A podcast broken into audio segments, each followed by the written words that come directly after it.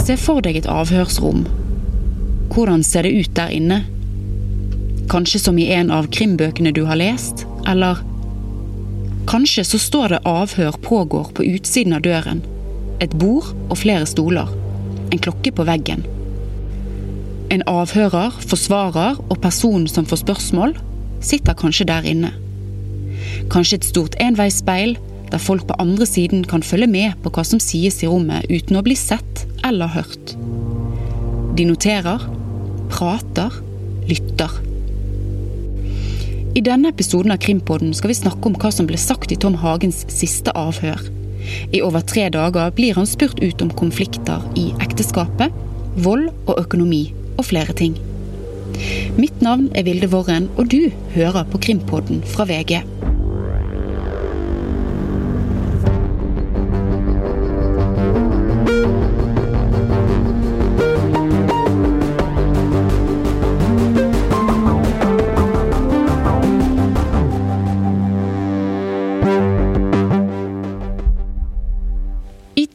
Avhør i midten av februar 2019 har han status som fornærmet i saken.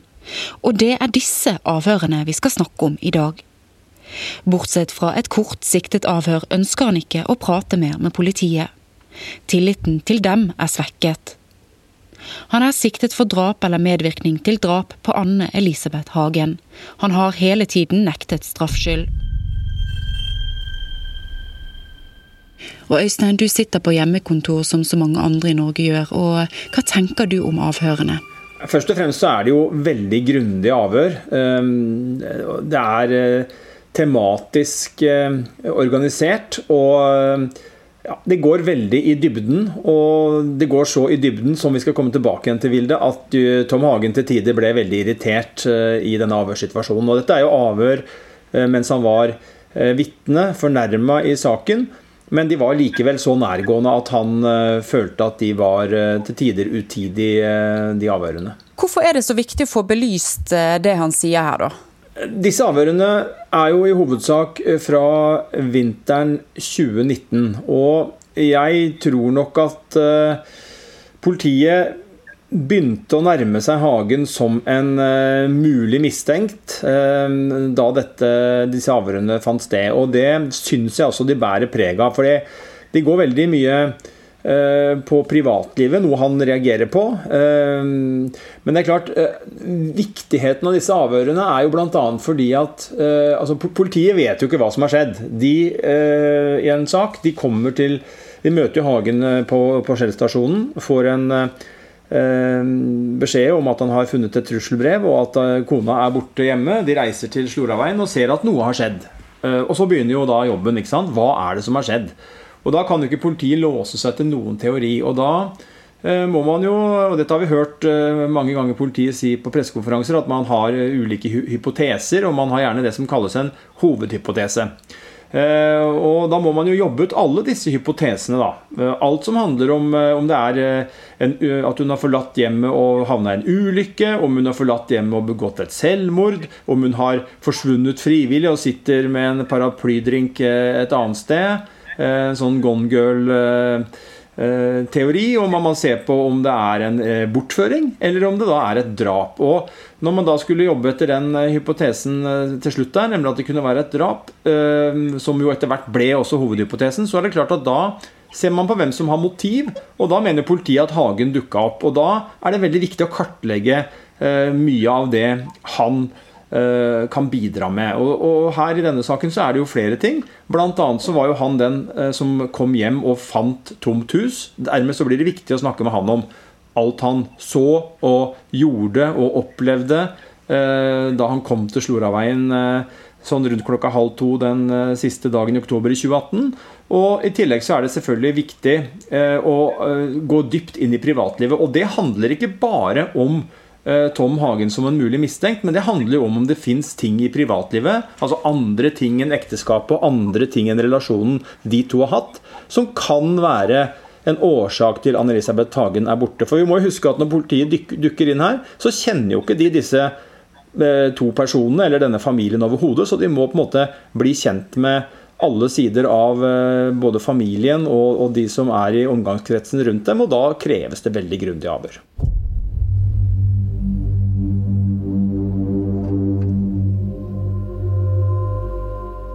Ok, Øystein. Vi begynner med ekteskapet, som du så vidt nevnte, nevnte, nå. Eh, for det ble viet ganske mye oppmerksomhet i disse avhørene, og det begynte jo faktisk helt tilbake til Anne-Elisabeth Hagens eh, barndom.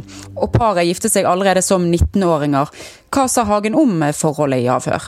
Nei, Det er som du sier, brukt mye tid på å beskrive ekteskap. og Han mener jo overordna sett at det ikke har vært et konfliktfylt ekteskap.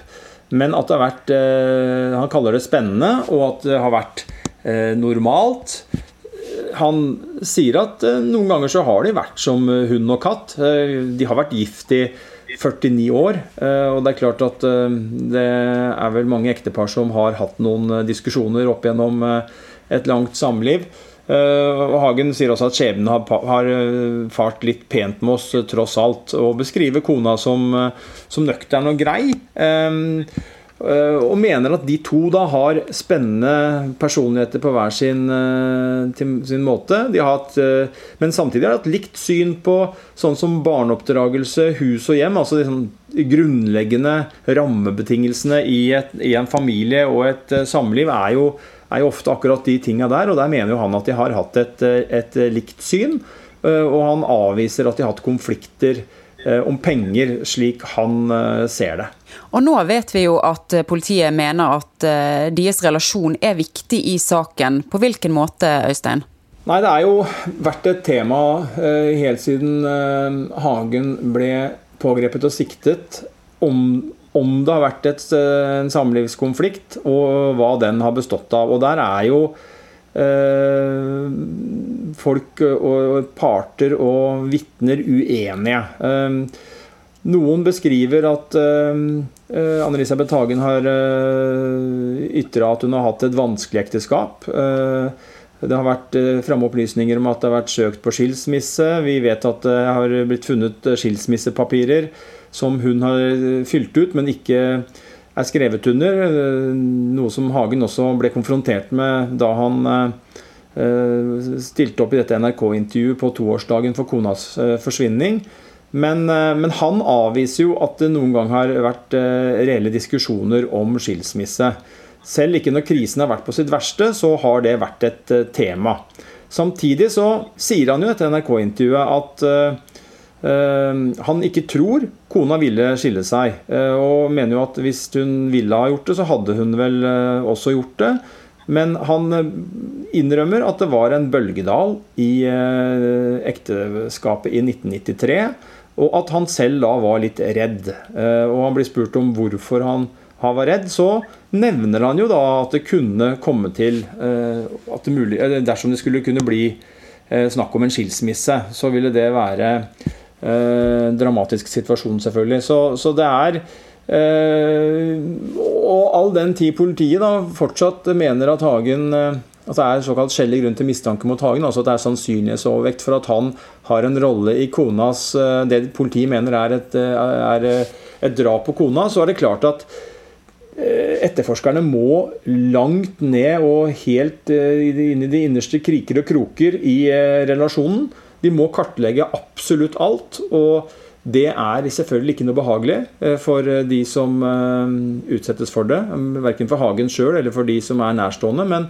men, det er altså helt avgjørende for politiet for å klare å avkrefte eller bekrefte om i hvilken grad ekteskapet kan være et motiv eh, dersom Hagen skulle være involvert i denne saken. Og så er det jo sånn som du sier, sant, at Politiet de kjenner jo ikke Hagen eller familien, sant, så de må jo dykke ned i dette, sånn som du sier.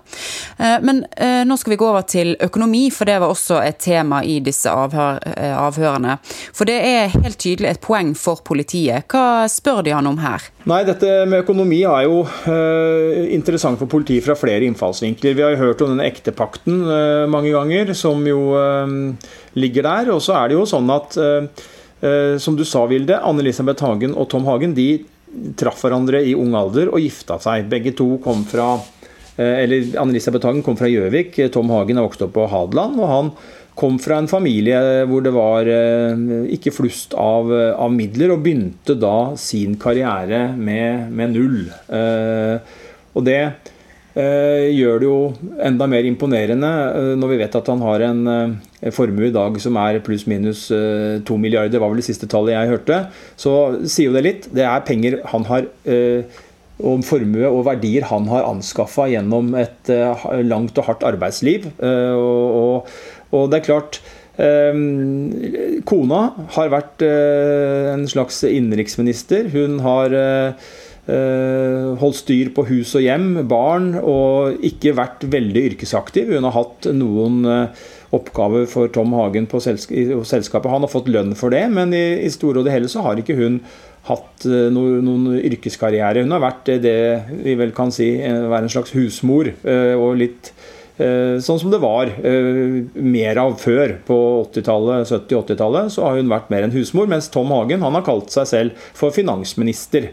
Eh, like fullt så har hun hatt tilgang til hans konto. Eh, Hagen sier at han aldri har spurt henne om hva hun har brukt pengene til. Eh, han har ikke vært interessert eller vært så veldig glad i å drive med sånne ting som hus, bil.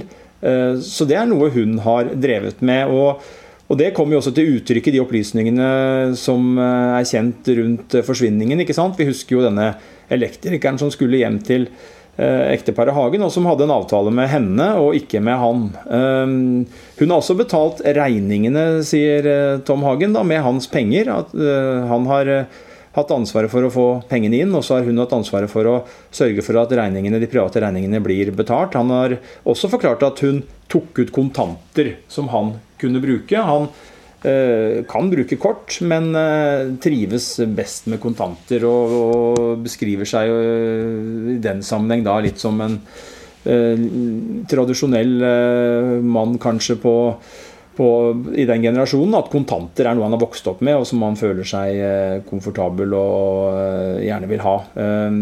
Så blir han spurt om da Eh, hva kona har brukt pengene sine på, og han mener da at hun nok har brukt de på barnebarna de siste åra, og legger til at hun ikke er en eh, økonom. Eh, og da spurte avhøreren om det har vært noen konflikter rundt dette, da.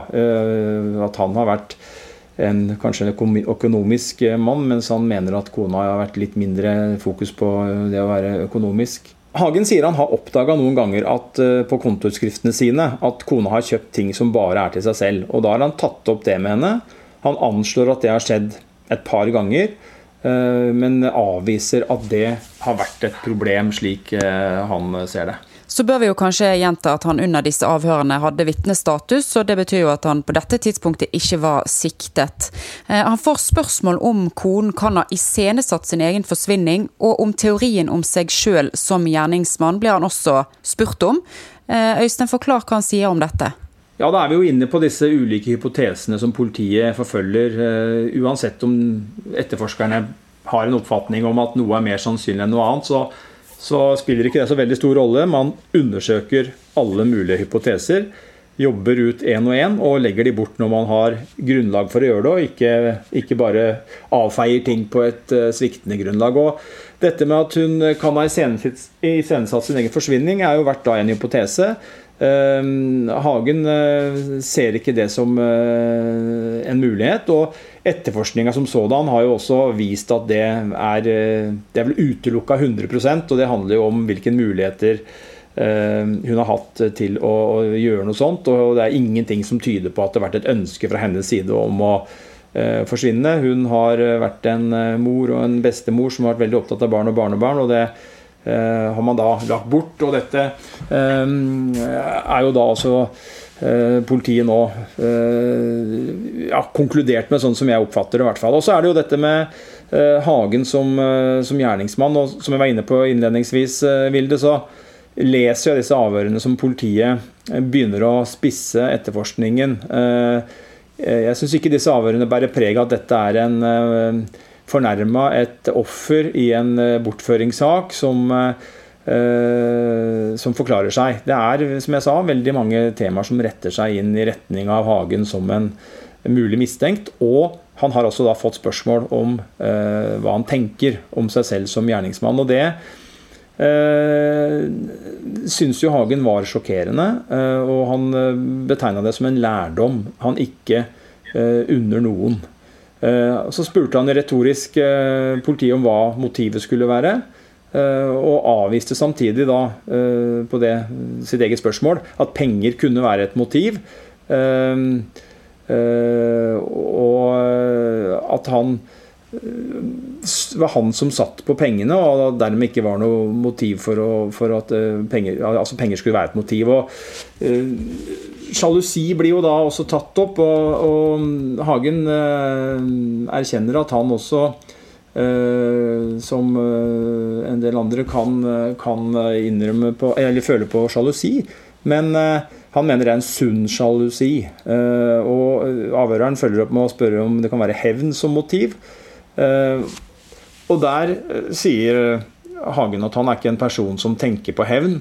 Eh, så det vil han også avvise. Og når disse temaene er oppe, så, så er det nok litt friksjon mellom Hagen og politiet, etterforskeren, sånn som jeg oppfatter det, Vilde. Vi skal gå videre, og det neste vi skal snakke om, det er vold i ekteskapet. For dette får han også spørsmål om. Ja, han gjør det. Det, det er, som vi har vært inne på, et uh, avhør som går uh, dypt inn i de private uh, forholdene. og det er, som jeg sa i stad, nødvendig som politiet ser det, da, fordi at de må avklare om Hagen Eh, kan være en eh, mulig mistenkt. Eh, på dette tidspunktet var han et vitne, men vi vet jo alle at det skulle endre seg bare en par måneder senere. Han avviser at han har vært voldelig. Han sier han aldri tror han har vært voldelig, i den forstand at han har slått eller sparka, men han, han, kan kanskje ha ristet noen. Og politiet var også inne på dette med psykisk vold, om, om han mener at det kan ha forekommet. og det det avviser han. Eh, selvsagt så har de krangla i løpet av disse 50 årene, og det kan godt hende at kona har tatt tak i han i frustrasjon og, og eh, holdt fast eller eh, ja, rista noe da, i, i, han, og at han kan ha gjort det samme. Men det er ingen som har slått eller sparka for å gjøre skade. Det, det, føler Hagen seg helt trygg på, sier han, til, sier han i dette avhøret. Og Så kommer jo avhøreren inn på Hagens temperament. Hvorfor tror du det blir et tema? Nei, Da er vi tilbake igjen til dette med altså politiet. Dette avhøret leses eh, av meg bare på én måte. Det er at politiet jobber for å danne seg et bilde av Hagen som en mulig mistenkt. Og, øh, og da er det ekteskap, det er økonomi, det er øh, temperament, det er krangling, sjalusi. Alle disse elementene som politiet belyser. Og Hagen han sier jo at han uh, kommer fra en familie med temperamentsfulle mennesker. Han mener det er et uh, sunt temperament. Uh, på spørsmål fra avhøreren om kan du bli ordentlig forbanna, så svarte Hagen at ja, ja, det håper jeg kan, det håper jeg kan bli. Han sier at han er, ikke er redd for å, å, si meningene sine og setter ord på tanker. Selv om det kan være brutalt for noen mennesker å høre det Eh, sier Hagen. Altså Jeg oppfatter at han da betegner seg sjøl som en ganske direkte eh, person. Eh, som sier ting rett ut. Og det, som han påpeker, er det jo litt ulikt hvordan folk reagerer på. Og så understreker han at han aldri har gått fysisk til angrep på noen, da, som jo var et tema tidligere. Ikke sant? Dette med mulig, mulig vold, men det avviser han kategorisk. Og så skal vi snakke om året 1993. Det har jo VG tidligere omtalt. Eh, for det skjer noe dette året? Ja, det gjør det. Det er jo dette året som eh, Hagen har eh, snakka om på NRK som et dramatisk år i privatlivet. Men det var også et dramatisk år i forretningslivet. For dette er jo, som i hvert fall de som har levd en stund husker, så er jo dette året før Lillehammer-OL. Og Hagen var jo han var jo eh, involvert i byggeprosjekt på Kvitfjell eh, på OL. Og det ble veldig, veldig mye jobb. Og det var en, en arbeidsbelastning. Altså han jobba nesten døgnet rundt og sov. Og det var en ekstrem situasjon, beskriver han, i arbeidslivet. Og, og det gjorde jo at han betegner seg sjøl som han nærmest ble utbrent. Og at han i ettertid ser at det var ting som kunne vært gjort annerledes overfor ektefellen. da, at hun nok seilte litt sin egen sjø. Og at det ble da en, det han kaller en liten familiekrise. Og det er jo det han eh, snakka om eh, på Dagsrevyen, eh, vil jeg tro. Nemlig at det ble en bølgedal i ekteskapet, som han omtalte det som. Og at han på et tidspunkt var redd for at det kunne komme til et samlivsbrudd. Men det gjorde det altså ikke.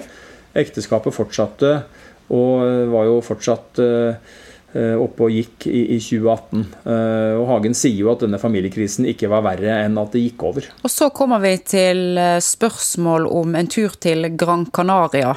Hva er hensikten med å spørre om dette? Ja, Det er jo da en tur som det vel var planer om, og i hvert fall forelå noen, noen slags planer om, skulle skje i, i november i 2018. Og, altså Det er jo et det kan jo godt hende at politiet har en eh, veldig spesiell eh, At det er en spesiell årsak til at politiet spør om det, men det kan også være at eh, som jeg var inne på, så kjenner jo ikke politiet en familie når man begynner å etterforske, og man må kartlegge alle muligheter. og det at politiet stiller spørsmål, betyr ikke nødvendigvis at det er noe mistenkelig, eller man tenker at det her skal vi sette fast noen, eller dette skal vi her er vi inne på, en, på, vei mot en løsning når vi spør om dette. altså Den Gran Canaria-turen kan godt være at det er eh, vanlig kartlegging. Man ønsker liksom bare å få en oversikt over eh, hva, hva, For nå forsvant jo Anne-Elisabeth Hagen 31.10, og da er det naturlig å se på hva slags planer som lå foran ekteparet, og om det kan være noe av interesse for politiet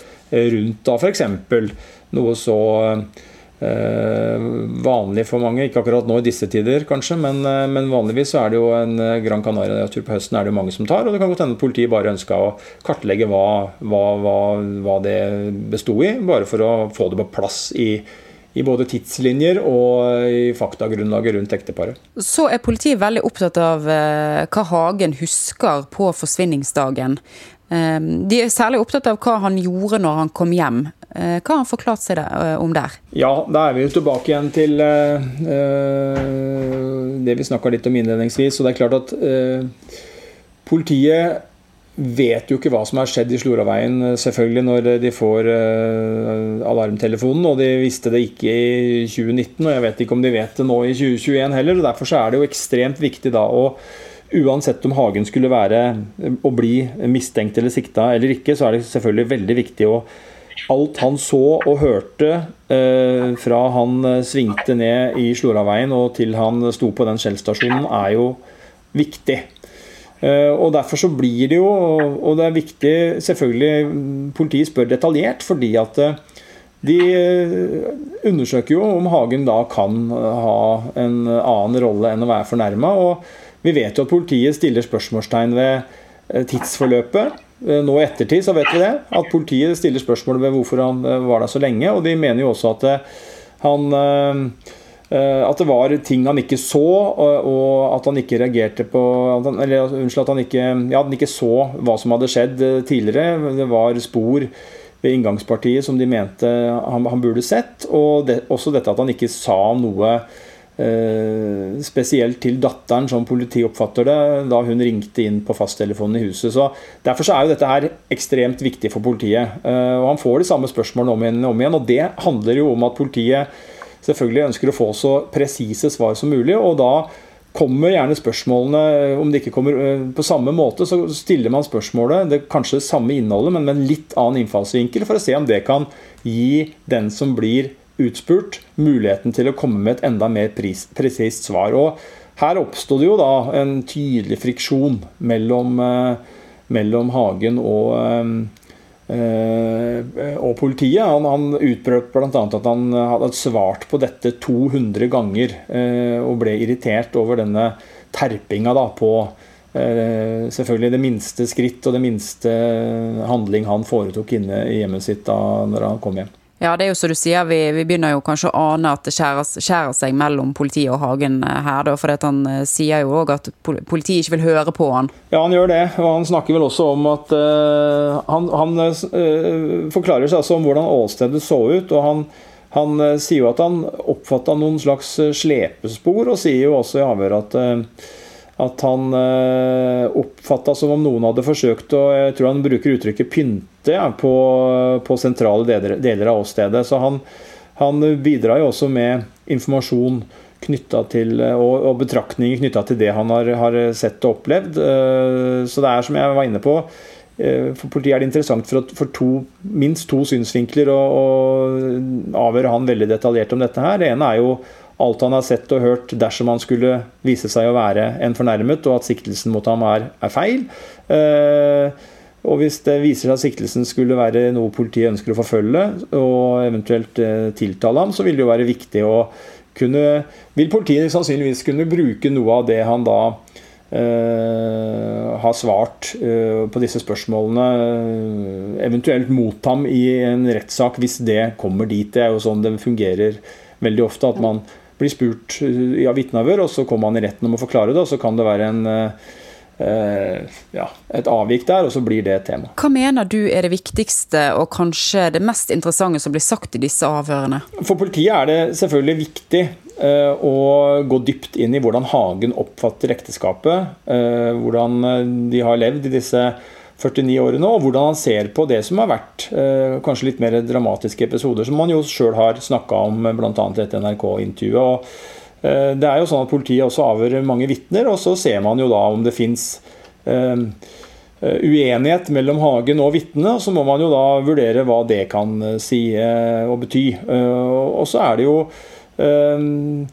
interessant å se, syns jeg, at allerede i februar 2019 var såpass Eh, ja, det, det, var, det, var, eh, dårlig stemning, syns jeg, til tider her. Det ser ut som det har vært eh, friksjon, og at Hagen har vært irritert og ikke har vært ikke vært veldig, altså Tilliten til politiet det har han jo blitt spurt om i avhøret, det går jo opp og ned. og Han er jo da frustrert over at politiet ikke har kommet med en slags form for løs, altså skissert hva som kan være løsningen i denne saken. Da, for da har man jo jobba med, med, med, saken noen, noen, måneder, og Hagen eh, er frustrert over det. Og så er det selvfølgelig interessant å se at politiet allerede i, i februar 2019 eh, spurte Hagen eh, om hvordan han så på muligheten for at han kunne være en, en gjerningsmann. Eh, så det sier jo litt om at den etterforskningen som begynte som en bortføringssak, eh, og som jo politiet da i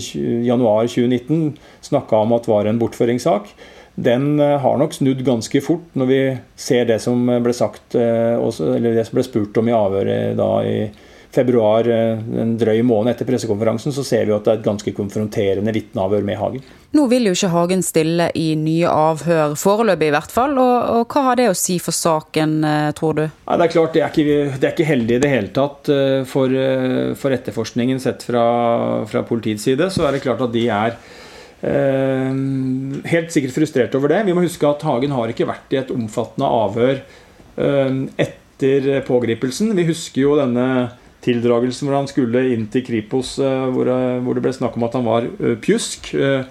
Og han var i et kortere avhør i forbindelse med denne varetektsperioden, men det var, det var ikke omfattende avhør, og han har jo ikke fått muligheten til å svare på det politiet måtte ha spørsmål om bl.a. Eh, eventuelle beslag eller vitneavhør eller andre ting som har dukka opp da etter 28. Eh, april, eh, eller faktisk fra februar 2019. Da, for han har ikke vært i noen omfattende avhør etter disse avhørene som vi omtaler her. Og så nekter jo Hagen å stille, og det er, det er hans fulle rett. Og da tenker jeg at det er mulig å se det fra to synsvinkler. Jeg tenker jo at eh, Noen vil sikkert spørre seg hvorfor ikke Hagen eh, stiller opp i avhør eh, og gir de opplysningene politiet da trenger, sånn at de kan forlate ham som en gjerningsperson, som jo han mener er den, den riktige retningen i denne saken. For det kan jo tenkes at politiet holder fast på han lenger, så lenge, så lenge han ikke da bidrar i, i avhør. Men på den annen side så kan man jo tenke at Hagen opplever en Altså, han har ingen tillit til politiet, og det har vart over tid. Og at han ikke ser noen hensikt i å bidra i noen avhør etter de avhørene han har vært igjennom. Og hvor han bl.a. har blitt spurt om han var gjernings, eller selv som gjerningsmann som vitne. Så kan det godt hende at han har gitt opp muligheten for at politiet kommer til å se en annen retning, og at han da tenker at han ikke har noe mer å tilføye og derfor ikke ønsker å gå i avhør. Og så er det jo sånn at det er advokaten hans, Svein Holden, som har gitt ham dette rådet om ikke å la seg avhøre. og og der står vi nå. Så får vi se hva som skjer fremover, om det kan endre seg etter hvert, eller om dette blir en sak hvor, hvor Hagen ikke avhører, lar seg avhøre noe mer før saken enten blir henlagt, eller at det blir reist en tiltale. Tom Hagens forsvarer Svein Holden sier følgende til VG. Det er ingen tvil om at det utgjør en enorm merbelastning for Tom Hagen og hans nærmeste familie at familiære og personlige forhold som ble uttalt i fortrolighet til politiet, brettes ut i VG.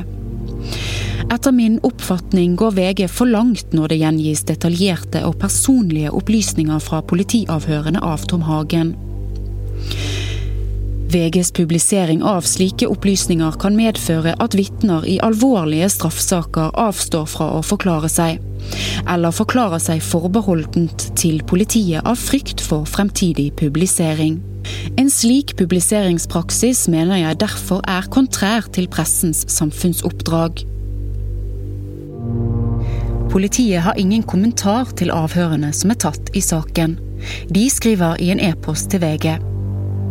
Når det gjelder fremtidige avhør, er det en rekke forhold politiet kunne ønsket siktedes forklaring på, og som kunne bidratt til sakens opplysning og videre fremdrift i etterforskningen. Siktede har imidlertid ingen plikt til å forklare seg om bevisene, noe politiet selvsagt respekterer, skriver politiinspektør Agnes Beate Hemiø. Vi i Krimpodden er tilbake med en ny episode neste torsdag. Dere som hører på, meld dere inn i Krimpodden på Facebook, eller send oss en mail på krimpodden.vg.no.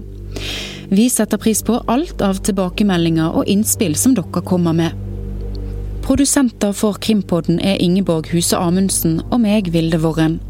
Krimkommentator Øystein Milli var med som vanlig, og Gordon Andersen, Ådne Husby Sandnes og Morten Hopperstad i VGs krimgruppe har bidratt med journalistikken i denne episoden.